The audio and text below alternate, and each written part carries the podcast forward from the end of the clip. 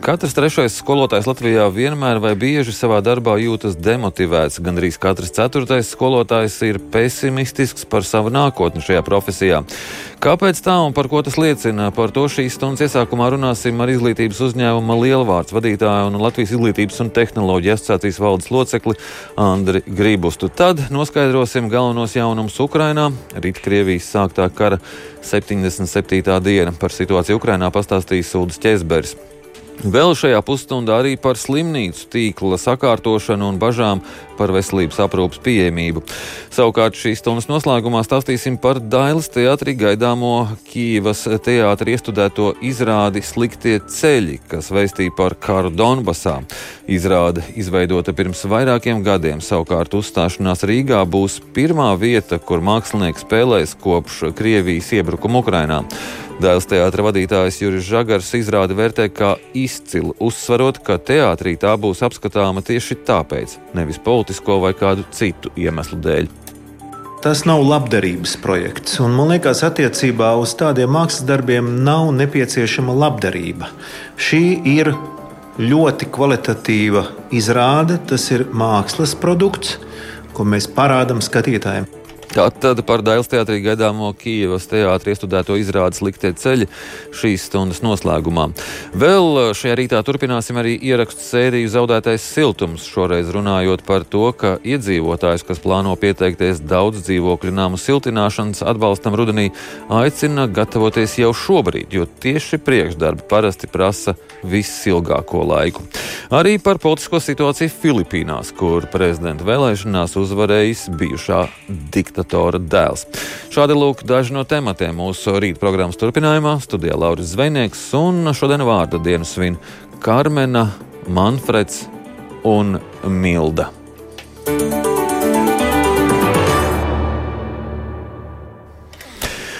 Ir 7,8 minūtes. Pedagogi Latvijā vēlas būt savas profesijas patrioti, tomēr viņi nejūt to, ka strādātu sabiedrībā novērtētā un adekvāti atalgotā profesijā. Par to liecina izglītības uzņēmuma Lielvārds veiktais pētījums skolotāja balss. Šodien, iepazīstinot ar šī pētījuma rezultātiem, notiks arī ekspertu diskusija, analizējot pētījuma rezultātus un meklējot risinājumus skolotāja atbalsta veicināšanai. Lai runātu par šo pētījumu un tā rezultātiem, mums tiešraidē pievienojas izglītības uzņēmuma Lielvārds vadītājs un Latvijas izglītības tehnoloģija asociācijas valdes loceklis Andris uh, Gribusts. Uh, labrīt! Labrīt!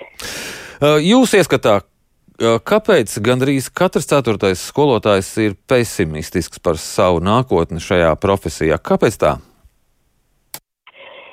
Uh, jā, nu, pētījuma rezultāti viennozīmīgi ejot cauri daudziem, daudziem datiem, kas ir šajā pētījumā, jo pētījumā mēs vēlamies noskaidrot par to, kā jūtas šajā profesijā nākotnē redz teikt skolotājs, un pētījumā mēs ap, ap, apskatījām gan darba ritējumu, gan noskaņojumu, vai viņi jūt atbalstu no trešām pusēm, skolotājiem, vecākiem, skolēniem, kāds ir viņa iespējas profesionāli pilnveidoties un augt, un arī kāds ir viņas digitāls prasmes nodrošinājums.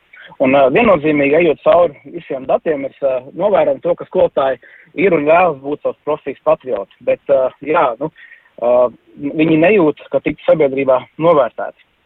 Uh, nu, faktiski tas ko, tas, ko mēs skatāmies no darba ritējuma, ka uh, skolotāji jūtas kā nepietiekami laika un darba kvalitātes ķīlnieki.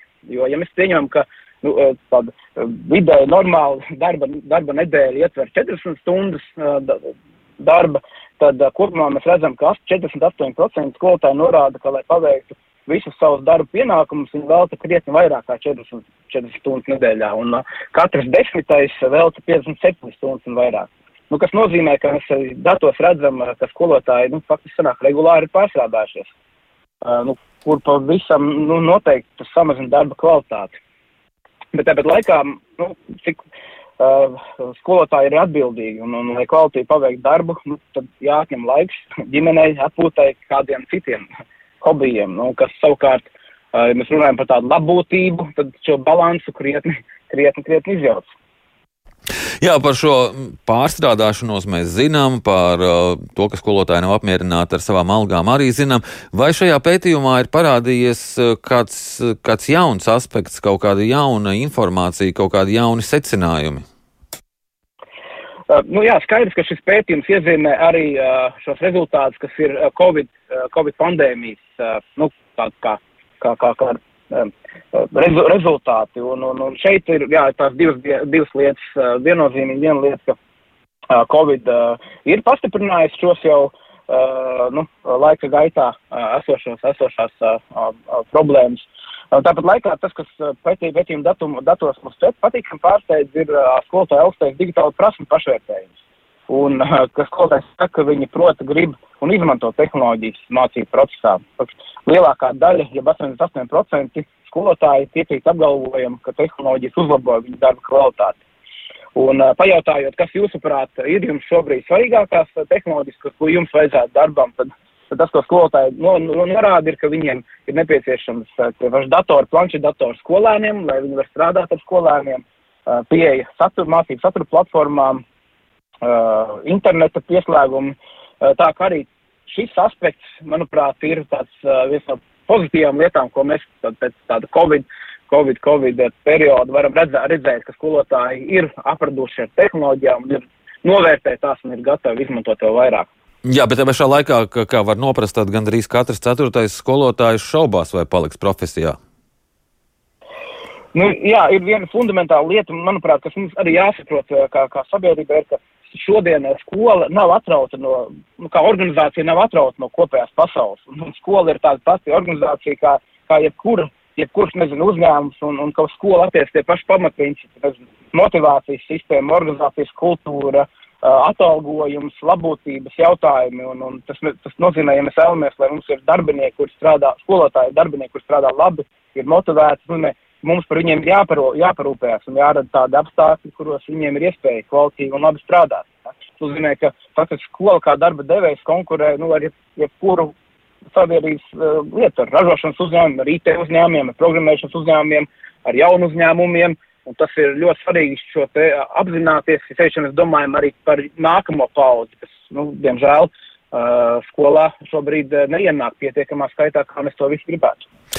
Pašlaik notiek diskusijas par skolotāju atalgojumu modeļa maiņu. Ko pedagogi par to domā un vai tā, tā maiņa kaut kā varētu ietekmēt šo noskaņojumu? Jā, šajā pētījumā mēs, mēs, mēs tieši neapskatījām uh, konkrētu šo atalgojumu, bet es domāju, ka visām iesaistajām pusēm nu, šie būs vērtīgi dati, uz kuriem, uz kuriem paskatīties, lai, lai attīstītu uh, pēc iespējas uh, uh, skolotāju novērtētāku un motivētāku šo modeli.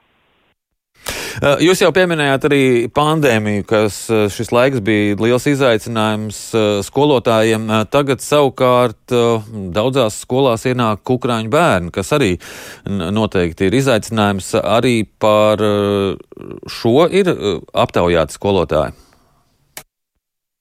Uh, jā, šī aptauja ir notika, pirms, pirms, pirms, pirms šī uh, kara, jā, un, un šie aspekti nav, nav iekļauti pētījuma datos, bet, nu, analizējot un skatoties to ikdienu, tas, protams, nu, uzliek vēl papildus šo te darba, darba slozi un uzmanību skolotājiem ikdienā strādājot un integrējot Ukraiņu, Ukraiņu bērnus ikdienas mācību procesā. Jā, liels paldies jums par uh, šo sarunu. Es atgādinu, ka mēs sazinājāmies ar Izglītības uzņēmuma Lielvārds uh, vadītāju un Latvijas Izglītības tehnoloģija asociācijas valdes locekli Andri Gribustu un runājām uh, par pētījumu skolotāju balss.